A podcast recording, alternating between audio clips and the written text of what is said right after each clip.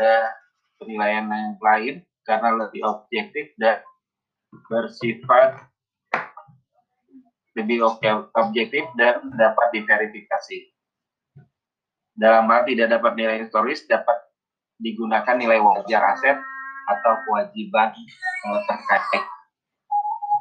Uh, sebelum berlakunya Undang-Undang Reformasi uh, Keuangan tahun 2003, itu aset jelas dicatat hanya uh, asetnya aja, namun nilai dari asetnya itu belum dicatat secara sempurna ya. Jadi 2003, 2004 bahkan sampai sekarang eh, pemerintah dalam ini Kementerian Keuangan masih melakukan eh, namanya revaluasi aset, melakukan penilaian kembali terhadap aset-aset yang dimiliki oleh negara.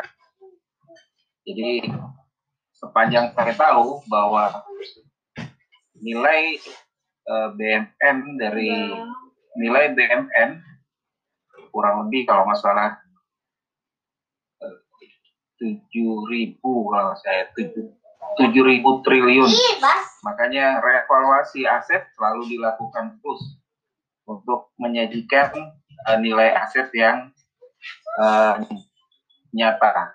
Karena memang tahun 2000 sebelum tahun 2003 bukan tidak dicatat, namun asetnya dicatat, namun nilainya terkadang karena uh, proses pencatatannya itu single entry hanya mencatat pengeluaran tanpa ada uh, pengakuan atau namanya full costing atau pencatatan aset berikut biayanya itu tidak pernah dilakukan sebelum tahun 2003 dan 2004.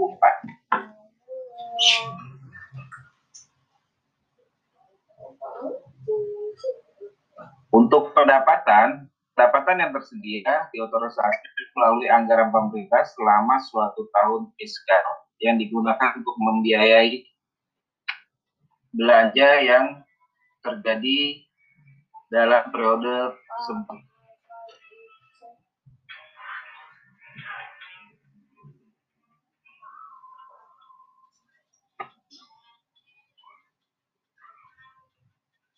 Dalam periode tersebut.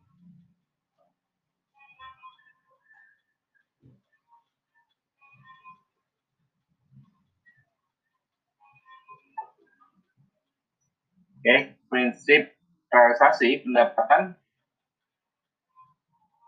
yang tersedia yang telah diotorisasi melalui anggaran pemerintah selama suatu tahun fiskal akan digunakan untuk membiayai belanja yang terjadi dalam produk tersebut. Prinsip penandingan pendapatan dengan belanja tidak mendapat penekanan seperti akuntansi komersil. Jadi kalau kalian perhatikan uh, bulan Januari. Oh, sebentar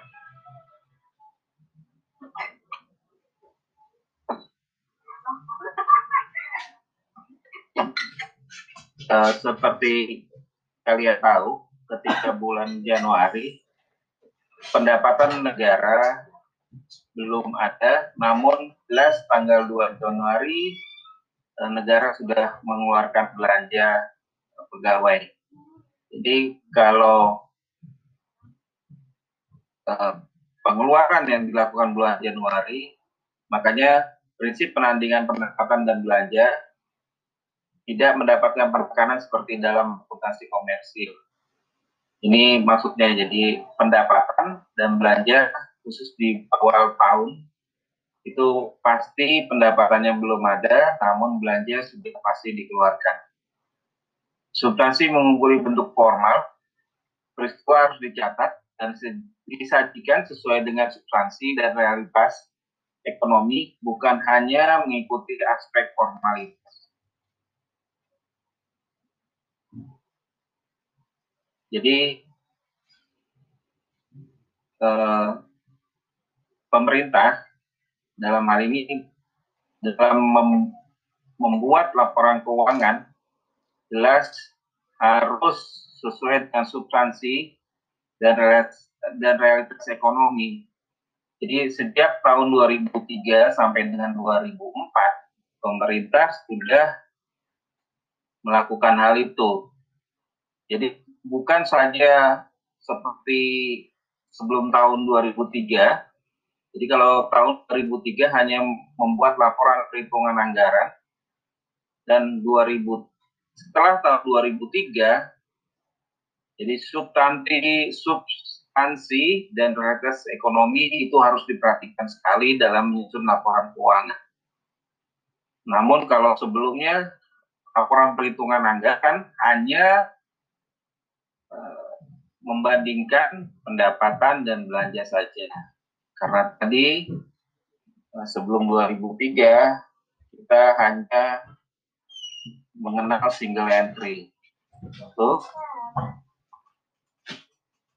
Uh,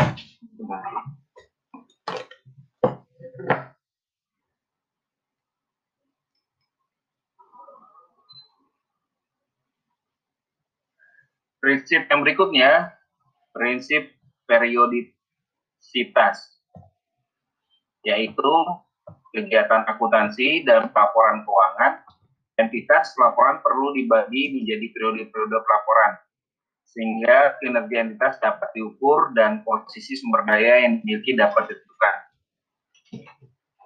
Periode utama yang digunakan adalah tahunan, namun periode bulanan, triwulan, semesteran juga dianjurkan.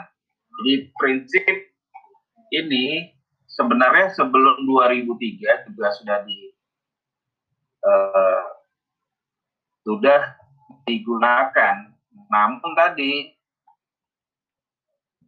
untuk laporan bulanan, untuk laporan triwulanan, untuk laporan semesteran ini agak sulit karena memang sebelum tahun 2003 laporan itu melalui dokumen. Jadi kalau bulanan itu tidak mungkin dilakukan oleh kementerian lembaga yang melaporkan pendapatan dan belanjanya ke Kementerian Keuangan. Paling-paling sebelum 2003, sepanjang saya tahu, itu per semester. Jadi laporan yang, dibu yang dibuat Kementerian Lembaga itu adalah per semester. Itu, namun prinsip periodisitas ini sudah digunakan uh, sebelum uh, tahun 2003. Yang berikutnya prinsip akuntansi adalah konsistensi. Perlakuan akuntansi yang sama harus ditetapkan pada kejadian serupa di periode ke periode oleh suatu entitas.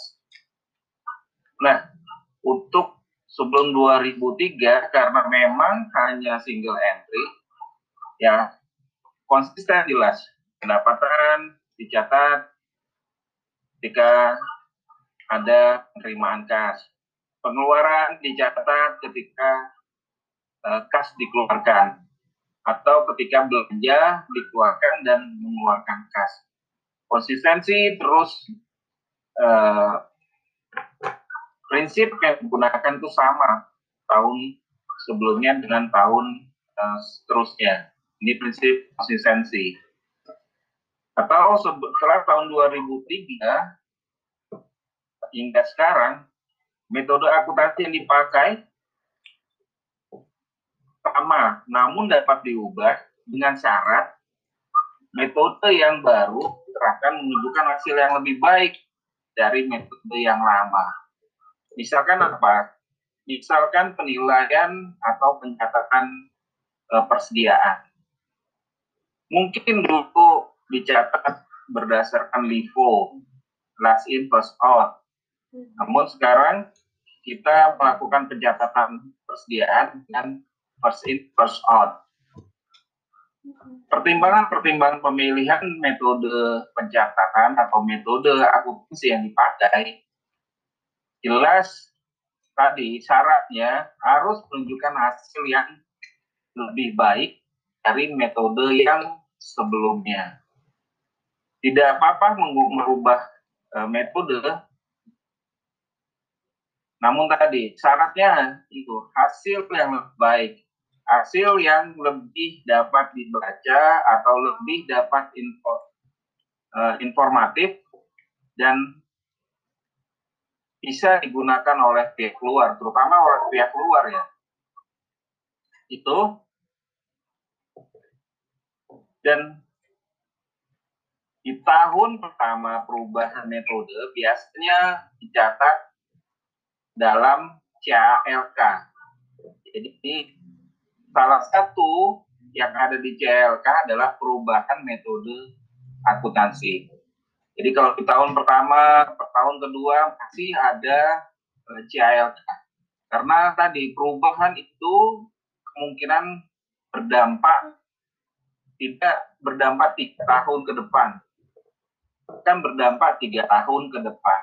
Ini yang jadi uh, catatan terus karena tadi pengguna laporan keuangan ingin sekali melihat uh, perubahan yang dilakukan uh, pemerintah terhadap metode uh, yang dipilih, gitu ya.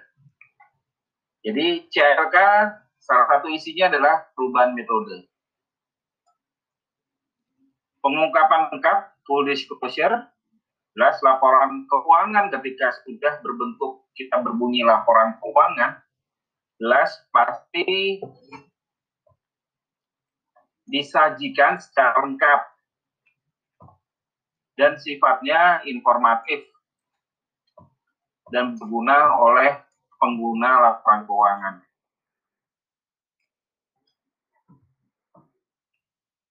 Informasi dapat ditempatkan pada lembar muka laporan keuangan atau CLK. Jadi CLK ini juga menerangkan apa-apa yang eh, informasi-informasi uh, yang dibutuhkan bagi pengguna, namun tidak tersaji di laporan keuangan. Misalkan metode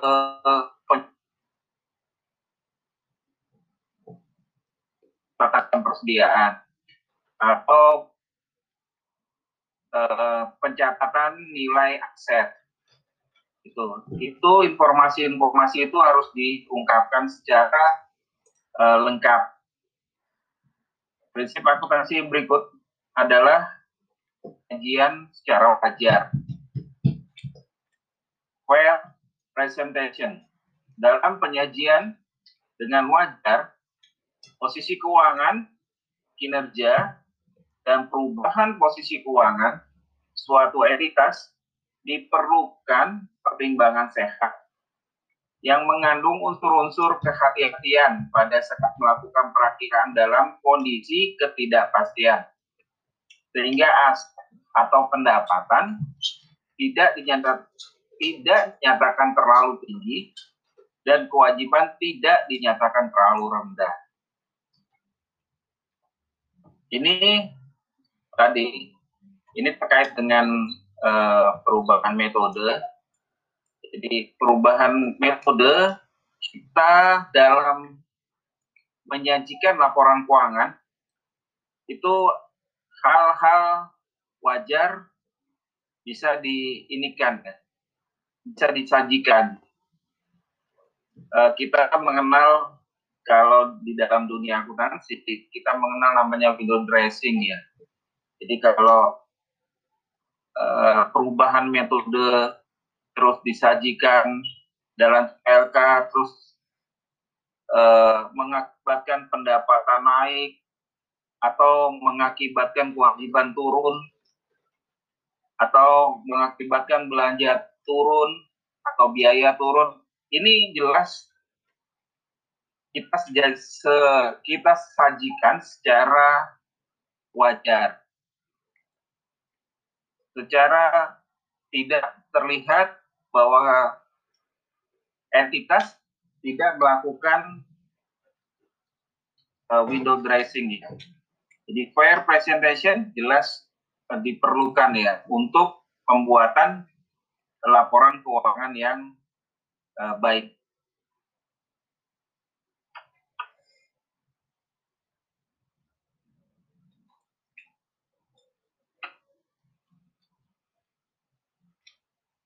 Kita pindah ke asumsi dasar. Apa ada pertanyaan sebelumnya? Sebelum masuk ke asumsi dasar?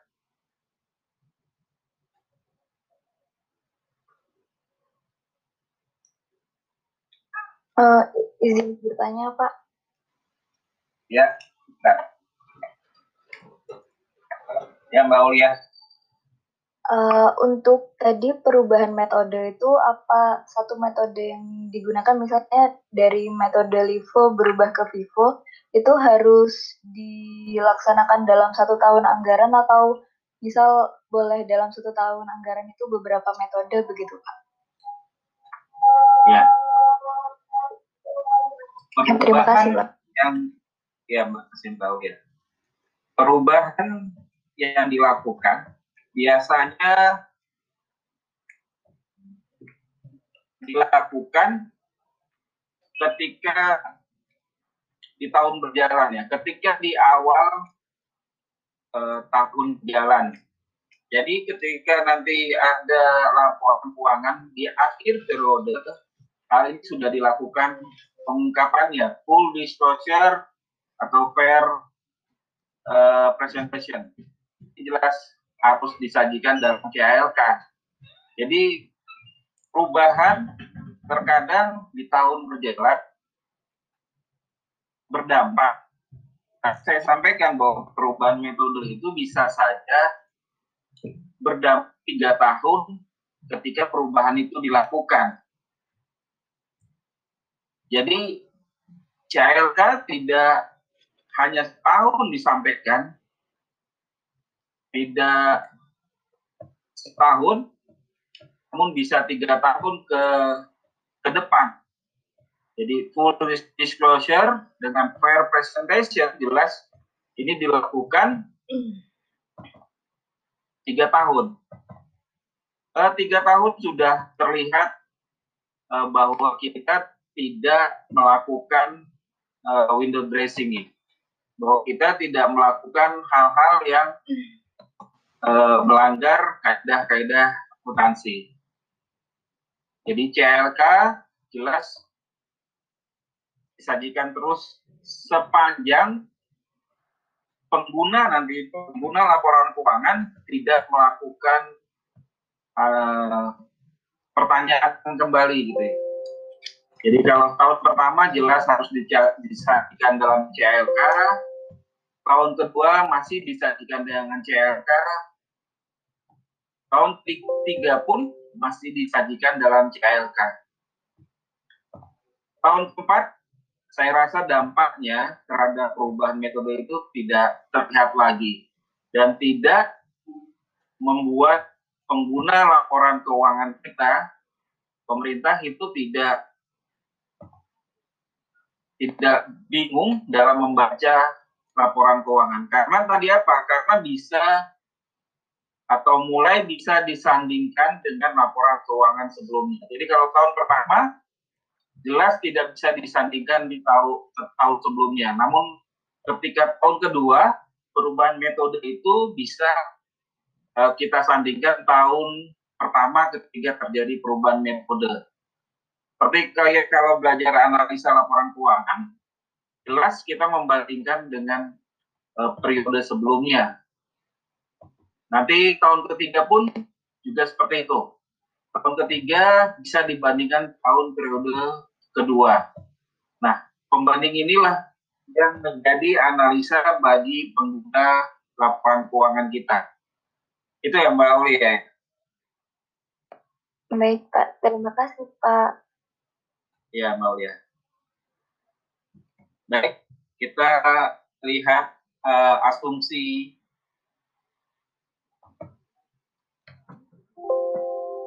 asumsi dasar. Asumsi yang pertama adalah kemandirian entitas. Jadi kalau setiap unit organisasi dianggap sebagai unit yang mandiri dan mempunyai kewajiban untuk menjanjikan laporan keuangan, sehingga tidak terjadi kekacauan antar unit instansi pemerintah dalam uh, pelaporan keuangan. Seperti di pertemuan kedua, unit kementerian lembaga atau unit entitas yang terkecil yaitu unit uh, satker ini kan diwajibkan membuat uh, laporan keuangan. Dia sifatnya pasti mandiri. Karena dia mandiri, karena dia punya dokumen uh, pelaksanaan yaitu DIPA, dia juga melaksanakan nanti ada pencatatan. Secara hierarki, dari unit entitas yang terkecil, karena sudah diwajibkan membuat laporan keuangan, laporan keuangan diteruskan ke unit yang atasnya sampai dengan unit kementerian lembaga, tingkat unit kementerian lembaga. Ini sangat uh, berguna sehingga tadi tidak ada kekacauan antar unit uh, instansi pemerintah. Jadi ketika ada standar akuntansi pemerintah, jelas semua pencatatan pasti sama. Ketika kita mengeluarkan belanja pegawai, apa yang di jurnal semua pasti sama. Semua kementerian atau semua entitas yang terkecil, yaitu satker, pencatatan misalkan ada dibayar gaji bulan Januari, sekian rupiah semua entitas dari terkecil sampai nanti dibikin pencatatan di uh, tingkat kementerian lembaga itu semua sama kan jurnalnya. Hal ini tadi tidak akan menjadi uh, kekacauan. Jadi kalau ada satker ini terkecil tidak menyusun, ini akan mengganggu laporan keuangan uh, kementerian lembaganya atau unit eselon satunya. Itu ya maksudnya. Kemandirian entitas. Jadi wajib menyusun laporan uh, keuangan. Yang berikut adalah asumsi kesinambungan entitas. Jelas bahwa tadi diwajibkan setiap tahun uh, entitas akan melakukan koran uh, terus. Dengan demikian, pemerintah diasumsi tidak bermaksud melakukan likuiditas atas entitas pelaporan dalam jangka pendek. Jadi kalau satker menyusun uh, laporan keuangan, jelas mempunyai asumsi bahwa entitas itu akan berlanjut entitas itu tidak akan dibubarkan. Walaupun kenyataannya, misal ya, uh, kalian pernah mengenal namanya Badan Ekonomi Kreatif?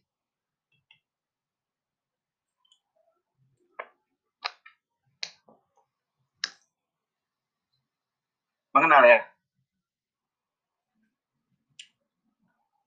Di era Pak Jokowi, di era, eh, Kabinet Indonesia Kerja pertama, Pak Jokowi membentuk namanya Badan Ekonomi Kreatif. Selama lima tahun, Badan Ekonomi Kreatif selalu membuat tadi mandiri entitas, membuat laporan keuangan, dan berkeyakinan bahwa entitas tersebut e, berkelanjutan. Itu jadi sepanjang kita membentuk organisasi, kita yakin bahwa organisasi itu tidak akan uh, dilikuidasi. Organisasi itu tidak akan dibubarkan. Itu asumsi yang berikut. Yang kedua, asumsi ketiga, asumsi keterukuran dalam satuan mata uang. Jelas kalau entitas pemerintah dari entitas eh, terkecil yaitu satker sampai dengan entitas eh, di Kementerian Keuangan yang tanggung jawab terhadap eh, pengguna anggaran. Jelas satuan mata uang yang digunakan adalah rupiah ya. Satuan mata uh, uang yang digunakan adalah uh, rupiah. Dengan kurs yang berlaku uh, hari kalau memang ada pengeluaran itu kurs yang berlaku dipakai adalah kurs PI pada hari yang bersangkutan. Dan kalau pengeluaran pemerintah pasti dilakukan semua dengan rupiah. Tidak ada pengeluaran pemerintah yang dilakukan uh, dengan uh, mata uang asing. Walaupun nanti dibayarkan dengan mata uang asing. Asumsi uh, karakteristik. Ini relevan. Mempunyai feedback value. Predictive value, tepat waktu, dan lengkap. Uh, relevan, tadi bahwa kalau relevan, kita bisa memprediksi uh, kebutuhan dana atau memprediksi belanja negara itu salah satu kegunanya relevan. Kalau dapat dibandingkan, tadi saya sampaikan bahwa ketika terjadi ada perubahan metode akuntansi, jelas tahun perubahan terkadang tidak bisa dibandingkan dengan tahun sebelumnya. Maka tadi saya sampaikan minimal tiga tahun kalau kiraan saya minimal ketika ada perubahan metode itu tiga tahun bisa tidak perlukan lagi catatan uh, di laporan keuangan di CLK. Jelas kalau laporan keuangan pasti harus dapat dibandingkan tahun sebelumnya dengan tahun sekarang atau bulan sebelum bulan tahun sebelumnya dengan bulan di tahun berjalan. Ini menggambarkan kalau di Direktorat Jenderal Anggaran di kami kami selalu melakukan analisa seperti itu ya melakukan analisa bulan per bulan bulan uh, bulan sebelum tahun sebelumnya dengan bulan tahun berjalan. Terkadang analisa yang jadian. Misalkan bulan uh, April triwulan kedua, awal triwulan kedua, April, itu sangat tidak bisa dibandingkan dengan April tahun sebelumnya karena April tahun sebelumnya tidak ada pandemi. Namun seperti kalau kalian kemarin e, mengikuti e, eh, APBN kita oleh Menteri Keuangan bahwa Menteri Keuangan menyajikan hal-hal yang dibandingkan dengan tahun sebelumnya. Ini juga menggambarkan bahwa kalau yang hal-hal yang positif seperti bahwa belanja barang kemarin itu naik sebesar 8% kalau nggak salah ya saya uh, salah ambil data, misalkan di triwulan awal triwulan keempat belanja pegawai turun 2,6 persen karena apa? Tadi kemarin Bu Menteri sampaikan juga bahwa belanja pegawai turun 2,6 persen dikarenakan memang untuk belanja pegawai terjadi penyesuaian uh, metode pembayaran yaitu pembayaran tidak dilakukan gaji 13 dan 14 tidak diikuti dengan tunjangan kinerja makanya agak turun 2,6 ini yang yang istilahnya dapat dibandingkan ya. Terus yang pasti yang karakteristik kualitatif berikutnya adalah andal. Jelas penyajian sifatnya jujur dapat diverifikasi dan netral.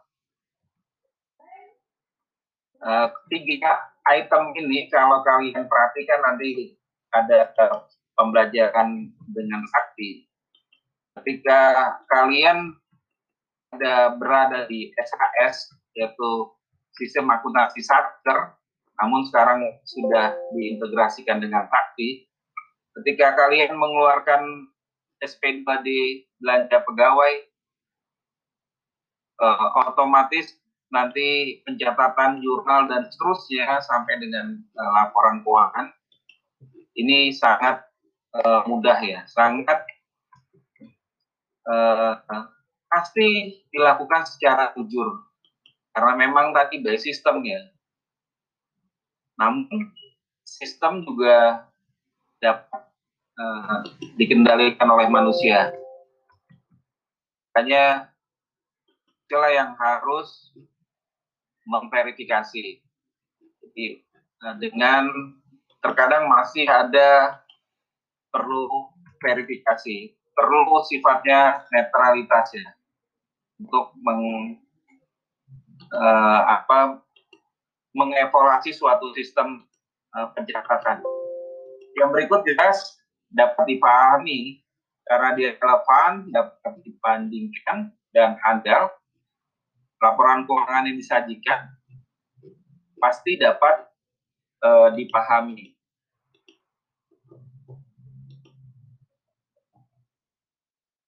Ada pertanyaan?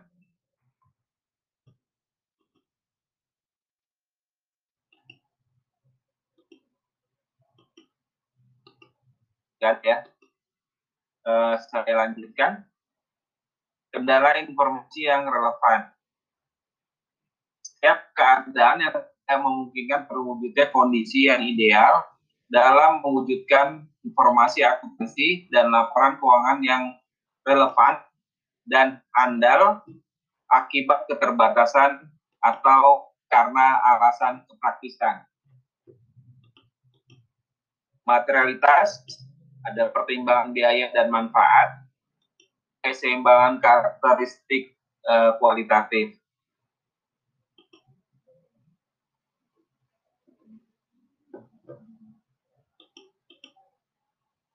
Ini adalah kendala yang relevan.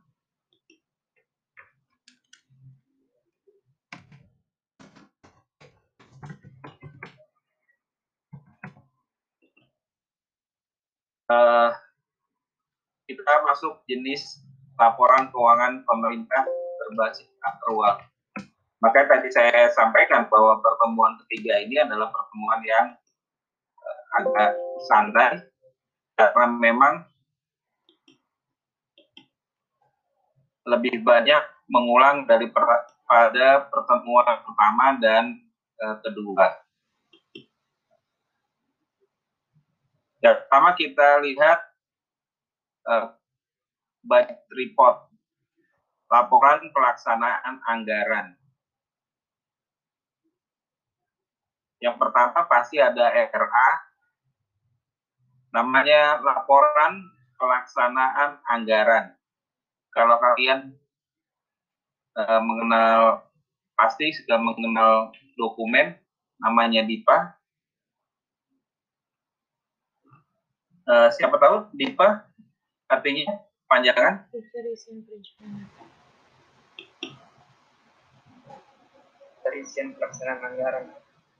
Nah, daftar isian pelaksanaan anggaran. Makanya setiap satker entitas terkecil itu selalu membuat ini. Karena tadi disampaikan juga bahwa basis kas masih digunakan karena tadi untuk mencatat pelaksanaan anggaran.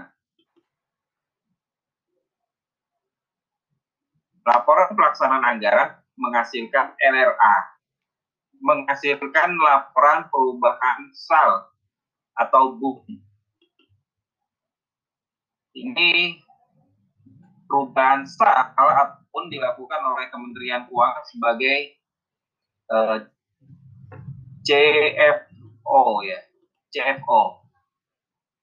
Jadi kalau sebagai CFO Kementerian Keuangan menyusun yang pertama LKPP, KL, maaf, laporan keuangan KL dengan laporan PUN. Namun kalau ini karena perubahan sal terjadi ketika di akhir tahun ya.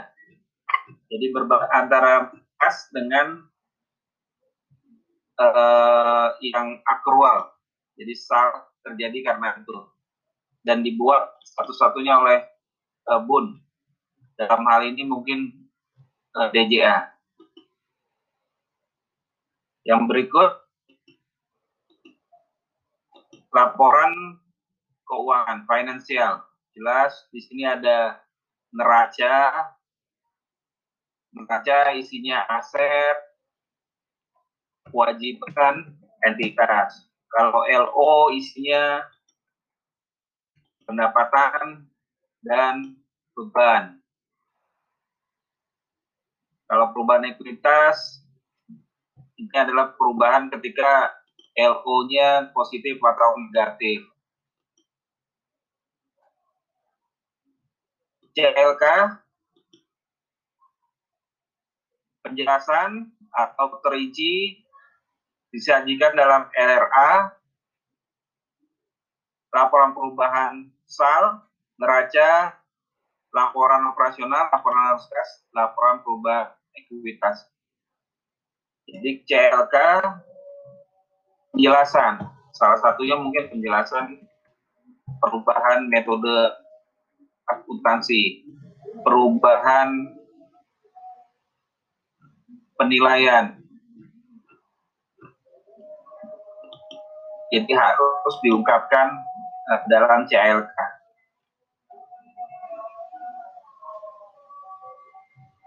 Ada pertanyaan?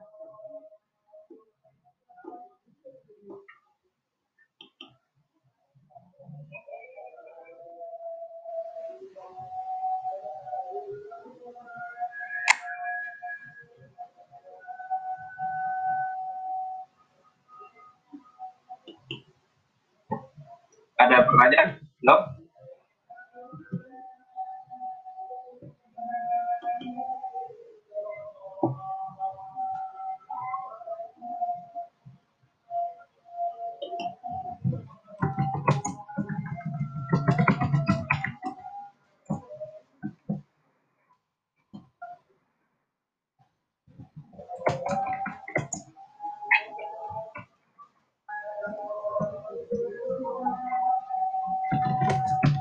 Ya, ada pertanyaan?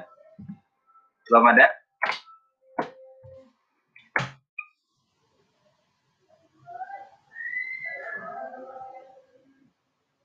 Mungkin Pak.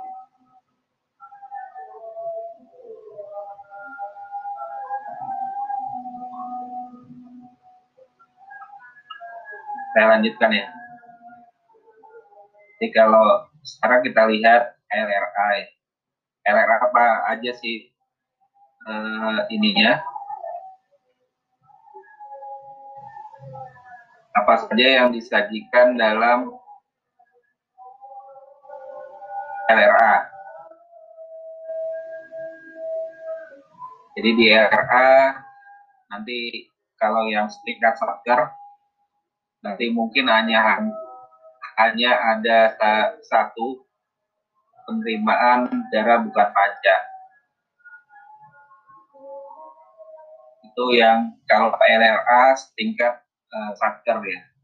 Namun kalau setingkat uh, eh, LKPP ini lengkap. Ya ada penerimaan perpajakan, PNBP atau hibah. Kalau LRA biasanya mengikuti uh, struktur APBN. Eh, pendapatan negara ini terdiri dari apa aja, terus ada belanja uh, negara. Biasanya mengikuti struktur APBN.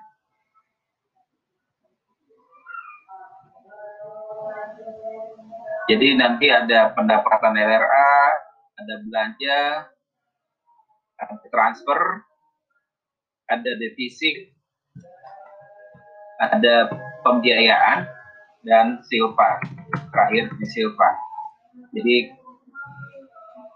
ini struktur di uh, eh, APBN jadi kalian bisa lihat di uh, PS, PSAP 02 huruf A halaman 94 perubahan sal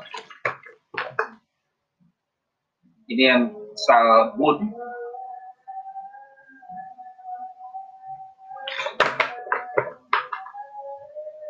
jelas kalau ketika di awal dia memiliki saldo. Nanti ada penggunaan sal sebagai pembiayaan tahun berjalan. Ini dikurangi. Nanti ditambah atau dikurang pembiayaan anggaran. Silva. Nanti ada koreksi kesalahan pembukuan di tahun berjalan. Eh tahun sebelumnya. Nanti ada lain-lain. Sal akhir.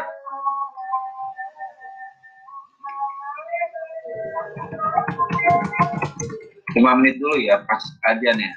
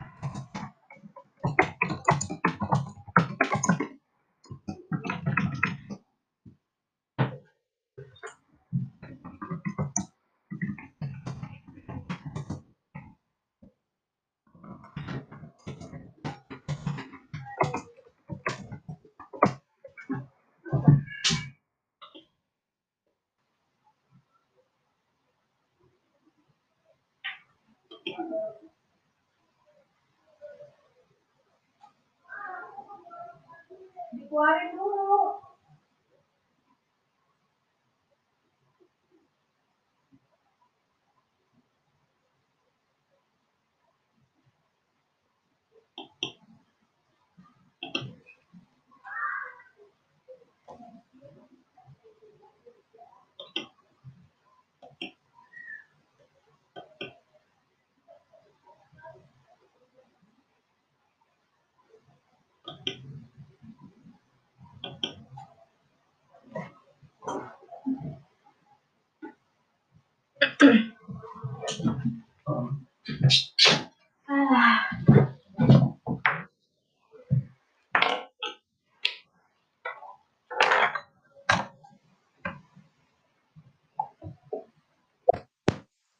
Permisi Pak.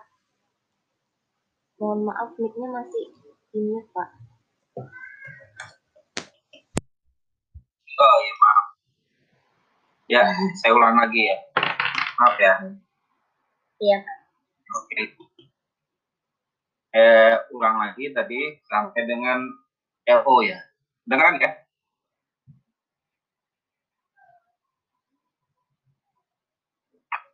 Kedengeran Pak. Udah Pak. Oke, baik.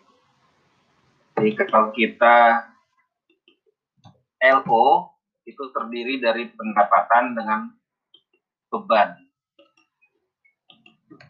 Ini yang disajikan pendapatan dan beban serta nanti unsur-unsur yang di bawahnya. Ini yang terjadi dalam satu periode uh, laporan, satu periode Dia masih mau makan. akuntansi ya. Kalau pendapatan sudah dilakukan penyesuaian nanti di akhir tahun, berikut juga nanti ada beban sudah dilakukan penyesuaian di akhir tahun. Jadi memang LO seperti eh, kalau di akuntansi konvensional yaitu income statement. Di income statement penghasilan itu sudah dilakukan penyesuaian, beban juga sudah dilakukan penyesuaian. Jadi ini hal-hal item yang ada di sini ini adalah item yang eh, diakui ketika sampai dengan akhir tahun. Jadi nanti ada eh, LO berdasarkan kegiatan operasional, nanti ada kegiatan non operasional. Kegiatan non operasional ada as mengajar, ada non operasional lainnya, dan pos luar biasa. Sampai eh, kita menemukan defisit atau eh, surplus LO.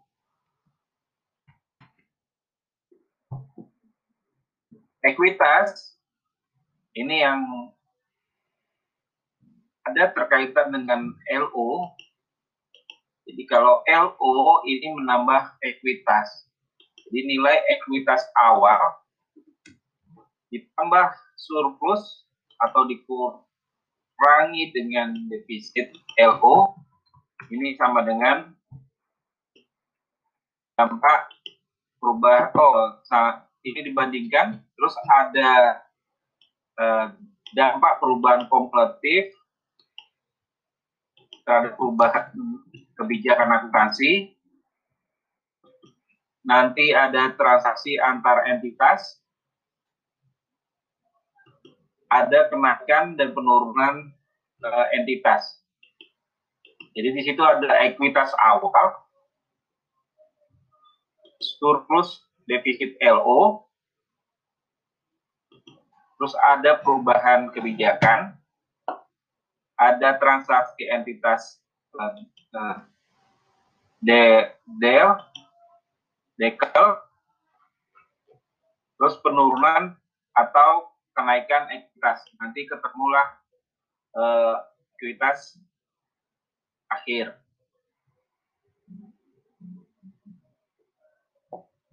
Ini yang ada di eh, laporan perubahan ekuitas. CALK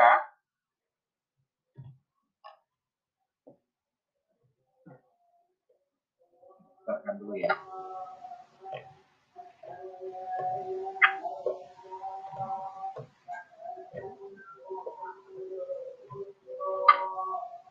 Jadi di laporan keuangan nanti ada strukturnya ada aktivitas operasi, aktivitas investasi, harus kasih ya, aktivitas pendanaan, aktivitas transitoris.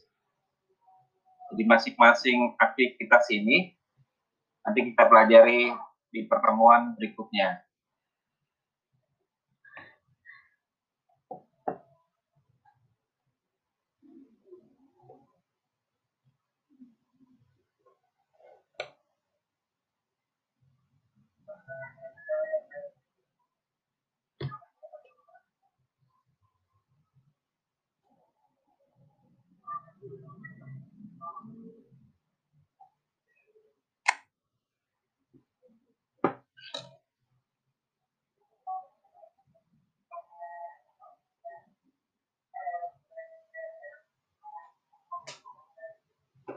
Kita lihat neraca. Neraca ada aset lancar, ada aset tetap, nanti ada kewajiban dan ekuitas. Aset lancar jelas yang pertama adalah biasanya disajikan yang paling liquid yaitu kas. Berikut ada piutang, berikut ada persediaan mungkin nanti ada akun yang terjadi adanya uh, penyesuaian di akhir tahun. Aset tetap di tanah, peralatan, gedung dan bangun. Kalau kalian kalau kalian ini bisa juga dilihat akunnya belanja modal. Akunnya belanja modal di situ ada tanah, ada mesin, gedung dan bangunan dari integrasi. Jaringan integrasi.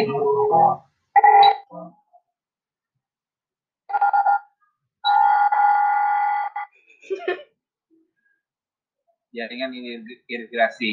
Nanti bisa dilihat uh, sesuai dengan akun belanja modal. Jadi kalau belanja modal pasti aset kewajiban nanti ada uang bukan PKPPN, utang pada pihak ketiga. Nanti ekuitas adalah angka ekuitas merupakan angka yang ada dalam laporan perubahan ekuitas. Jelas kalau aset sama dengan kewajiban dan ekuitas. Kewajiban plus ekuitas sama dengan aset.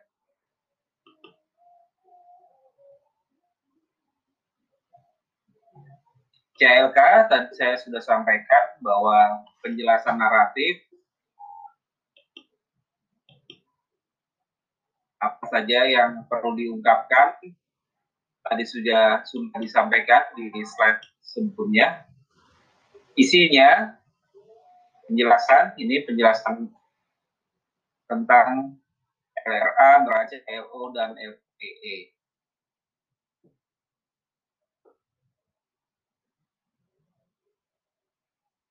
Ini yang CALK ada apa? Maaf, ada tujuh. Informasi umum tentang uh, entitas pelaporan dan entitas akuntansi, kebijakan fiskal, ekonomi makro, target keuangan selama tahun pelaporan, dan seterusnya ya. Biasanya kalau CLK, kalau kalian uh, di satker, ini jarang terjadi ya. CLK biasanya di tingkat kementerian lembaga. Jadi ketika sudah ada uh, laporan keuangan kementerian lembaga, ini CLK.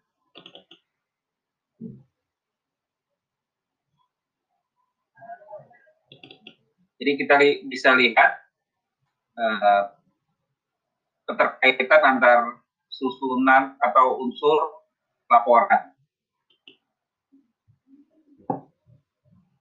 LO disusun untuk melengkapi pelaporan dan siklus akuntansi berbasis akrual sehingga penyusunan LO, LPE dan neraca mempunyai keterkaitan yang yang dapat dipertanggungjawabkan. Jadi di basis gas dia ada LRA, nanti ada silpa dan SIPA, nanti ada laporan perubahan SAL.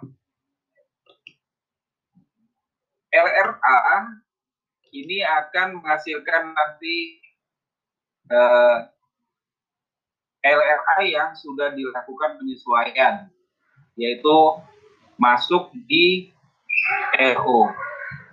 LO dan seterusnya ketika tadi sudah dicatat berdasarkan double entry, maka terbentuklah nanti uh, sampai dengan laporan uh, neraca. ini keterkaitan ya antar unsur laporan. Jadi kita pemerintah tidak akan lepas dari LRA ya. Karena masih kita menggunakan eh, dokumen eh, DIPA. Karena DIPA sifatnya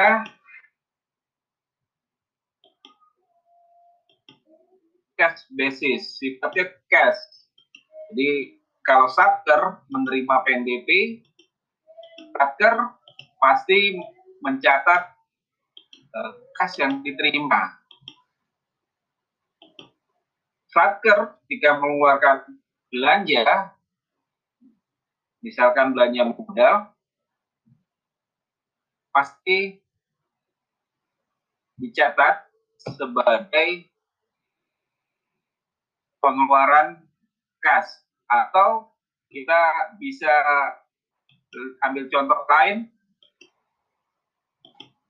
uh, Satker melakukan pembayaran belanja sewa gedung jelas Satker mencatat kas yang dikeluarkan untuk belanja sewa gedung Nanti ketika di akhir tahun pendapatan dan belanja yang diterima oleh Satker itu dilakukan penyesuaian. Penyesuaian itulah angka tersebut itulah yang disajikan dalam laporan operasional. Makanya terdapat keterkaitan eh, antara cash basis dengan accrual basis. Makanya masih uh, istilahnya CTO ya. Masih sifatnya CTO.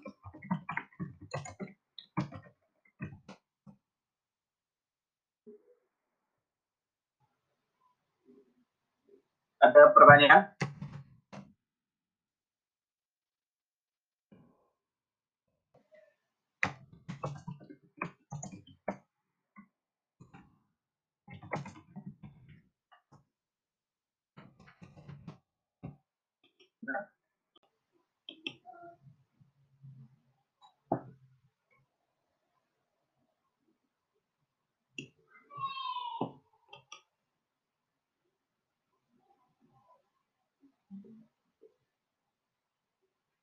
Uh, tidak Mbak Nitaya, kalau LRA, kalau laporan keuangan uh, tahun sebelumnya itu kan sudah selesai ya, sudah ditutup tertanggal 31 Desember. Jadi pencatatan sudah tertutup. Kejadian-kejadian setelah 31 Desember, seperti Mbak Dita, kelebihan pembayaran pajak tahun sebelum baru dikembalikan di tahun uh, berjalan ya. Jadi tidak perlu merubah LRA di tahun sebelumnya. Karena tidak pengeluaran tidak akan dilakukan oleh dokumen tahun sebelumnya. Pengeluaran dilakukan oleh dokumen tahun berjalan, ya Mbak Dita ya.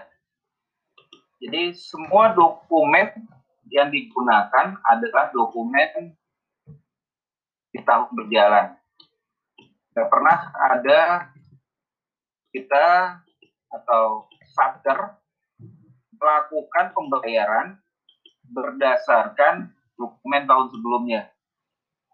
Misalkan kalau tadi Mbak Rita eh, SPNKP ya, surat kita membayar kelebihan pajak.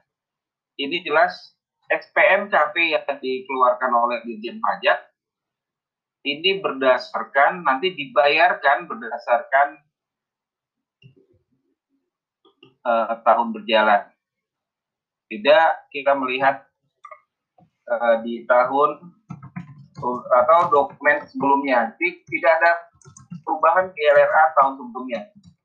Di CLK, CLK mungkin saja terjadi di CLK tahun di akhir tahun berjalan, di akhir laporan keuangan tahun berjalan.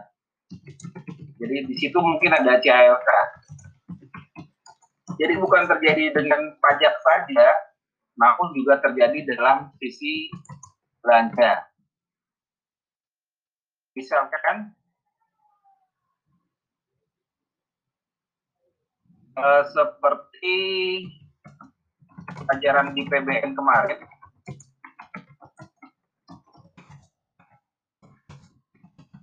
di pelajaran PBN kemarin ada langkah-langkah akhir tahun. Jadi ketika terdapat tagihan yang belum sempat atau fisiknya belum selesai, namun fisiknya atau administrasinya belum sempat diajukan itu dibayarkan di tahun berjalan. Pembayaran di tahun berjalan pasti menggunakan uh, dokumen tahun berjalan. Disiapkan alokasinya berdasarkan DIPA tahun berjalan. Namun tadi jelas pasti terdapat catatan e, laporan keuangan di akhir periode tahun berjalan. Itu yang bercerita ya.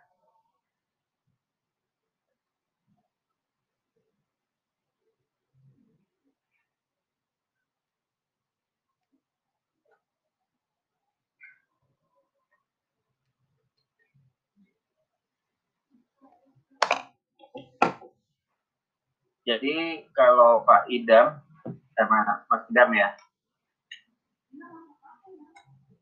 Mas Idam menanyakan ada kualifikasi kualitatif apa saja yang dipenuhi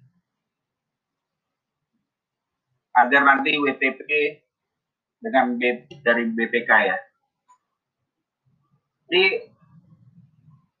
opini jelas keluarkan oleh BPK itu ketika prinsip-prinsip akuntansi pemerintah sudah dilaksanakan dengan semestinya, sudah dilaksanakan sesuai dengan prosedur. Ketika pencatatan tersebut sudah sesuai prosedur, sudah sesuai dengan uh, standar akuntansi pemerintah, jelas opini yang dikeluarkan pasti WTP. Namun, WTP yang dikeluarkan jelas tidak sempurna. Tidak pasti ada hal-hal yang perlu diungkapkan di luar laporan keuangan kementerian lembaga yang sudah disusun yaitu di CALK. Di CALK itulah uh, auditor mencatat hal-hal yang perlu diungkapkan, hal-hal yang perlu diperbaiki, atau hal-hal yang perlu dilakukan uh, pencatatan atau dilakukan pengungkapan informasi ketika ditemukan dalam audit. Jadi kalau kementerian lembaga sudah mencatat sesuai dengan SAP, sesuai dengan prosedur, dokumentasinya dokumen dengan dokumen pendukung lainnya sudah sesuai, pasti dia WTP. Makanya kalau kalian perhatikan, kementerian lembaga sudah banyak WTP-nya. Karena apa? Karena tadi yang pertama pasti SDM-nya sudah ada. Yang kedua, saya yakin karena sistem nanti pemerintah pusatnya sudah baik. Nah, dua hal ini jelas dan pasti semua transaksi yang dilakukan kementerian lembaga sudah dicatat sesuai dengan SAP dan prosedurnya. Itu Pak eh Mas Idam ya.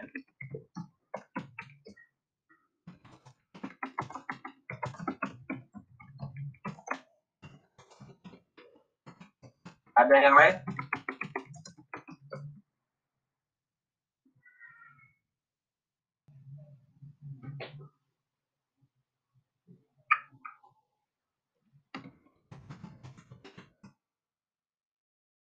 Untuk LO sebelumnya terdapat pos luar biasa untuk kategori atau contohnya yang termasuk di dalam pendapatan luar biasa dan beban luar biasa.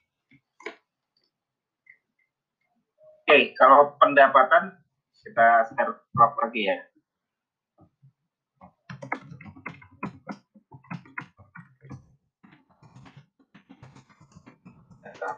Share dokumen.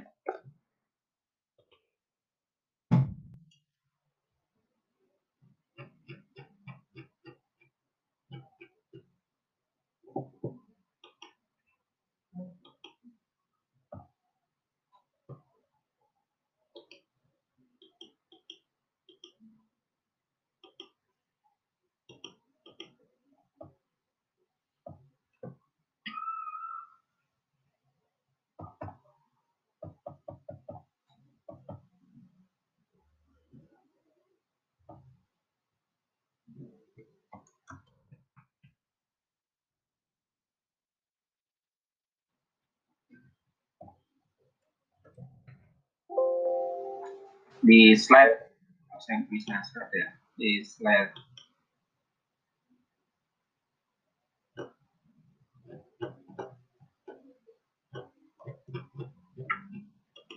Di slide nomor 15 ya pendapatan luar biasa dengan beban luar biasa ya. Saya bisa share ini ya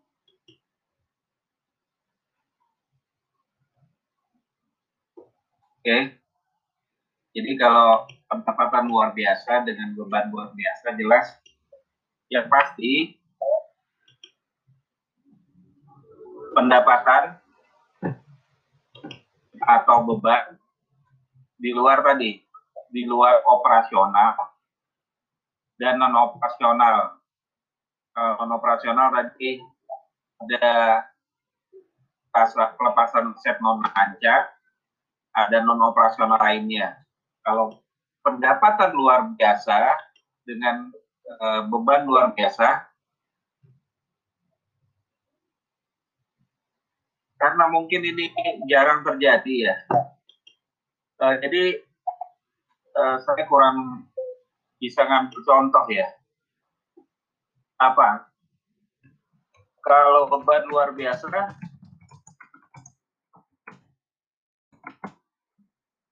uh,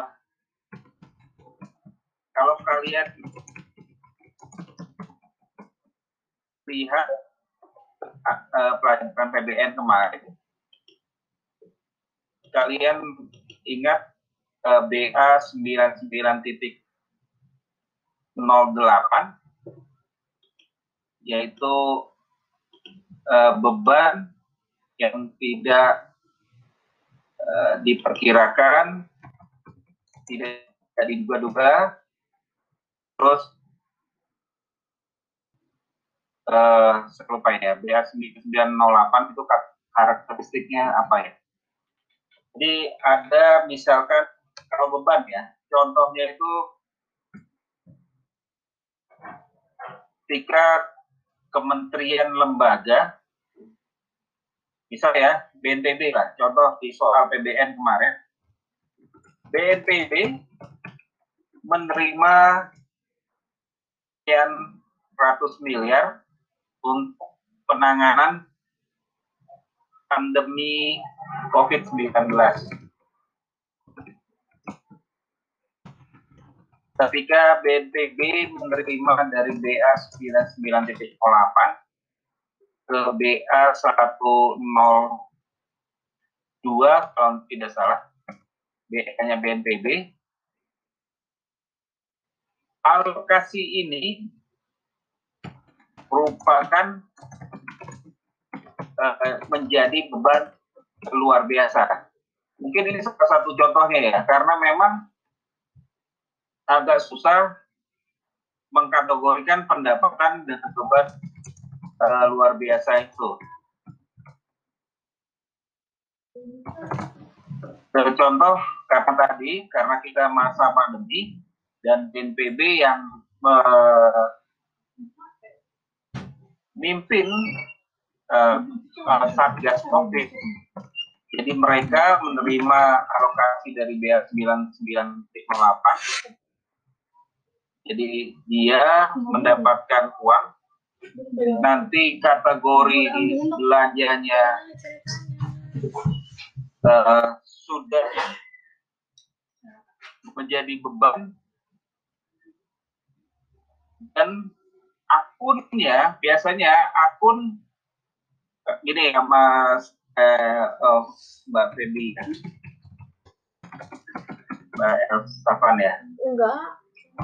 Ada gambarnya?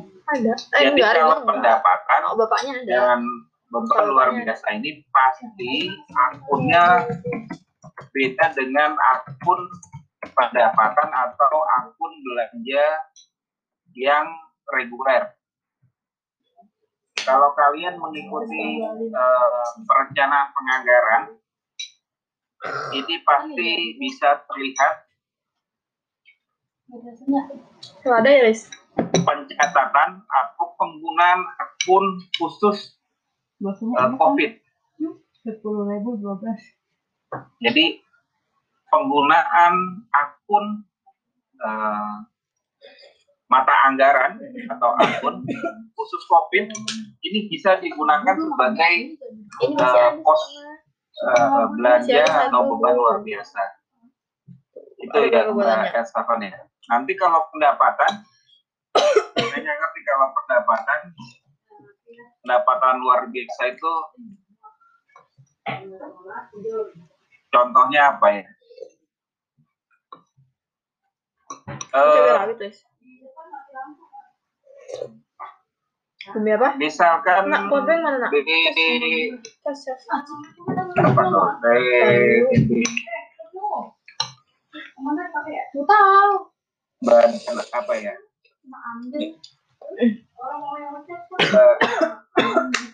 yang mengelola BMKG, misalkan BMKG ya. Ketika negara atau suatu daerah mengalami keringan gitu ya, mengalami musim kemarau yang berkepanjangan. PNBP yang diterima ini adalah PNBP yang biasanya diterima untuk uh, pekerjaan uh, apa namanya ikan cuaca yang bisa diprediksi karena sudah terbiasa di tahun-tahun sebelumnya. Namun ketika ini tidak diprediksi, terus BMKG-nya itu melakukan hal-hal yang dilakukan di luar dugaan.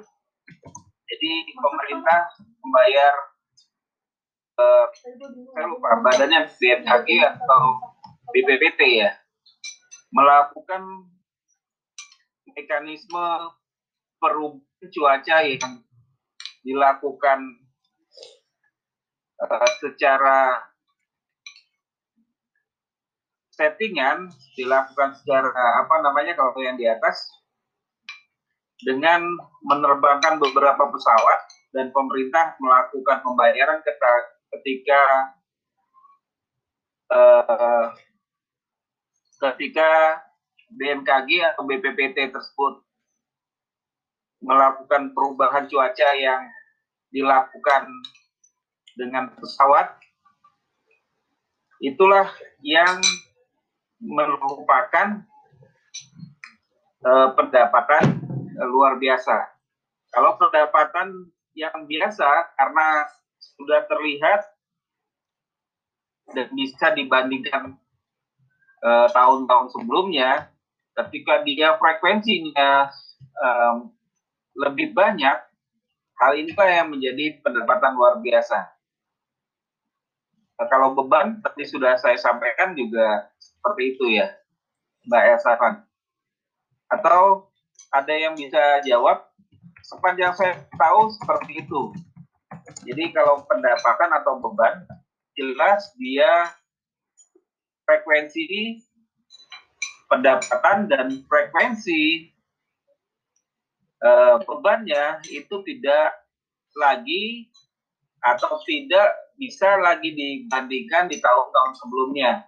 Kalau kalian beli menganalisa pendapatan atau beban tersebut di tahun sebelumnya mungkin naik 10%, namun ketika terjadi itu menjadi naik misalkan 100 kali, itu merupakan pendapatan dan uh, beban luar biasa. Itu Mbak Evan ya.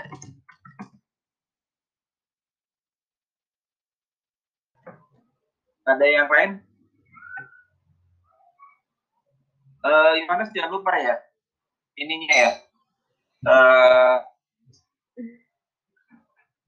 reportnya ya. Sudah saya kirim di grup Pak. Oke. Okay.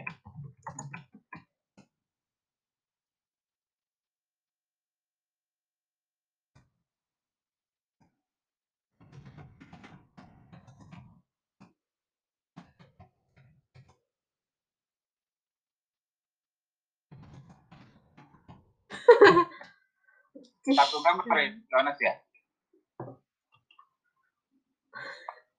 Iya Pak, satu gambar. Oh, baik.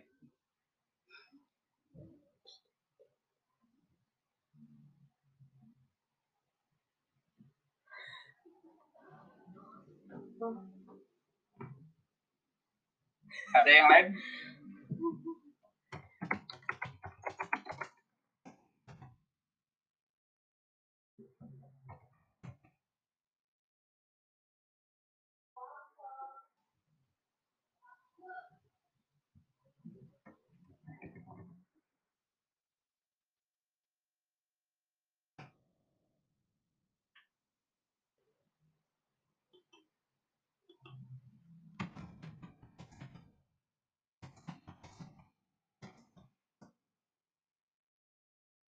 Ada lain? Sambil saya klik uh, ini dulu portalnya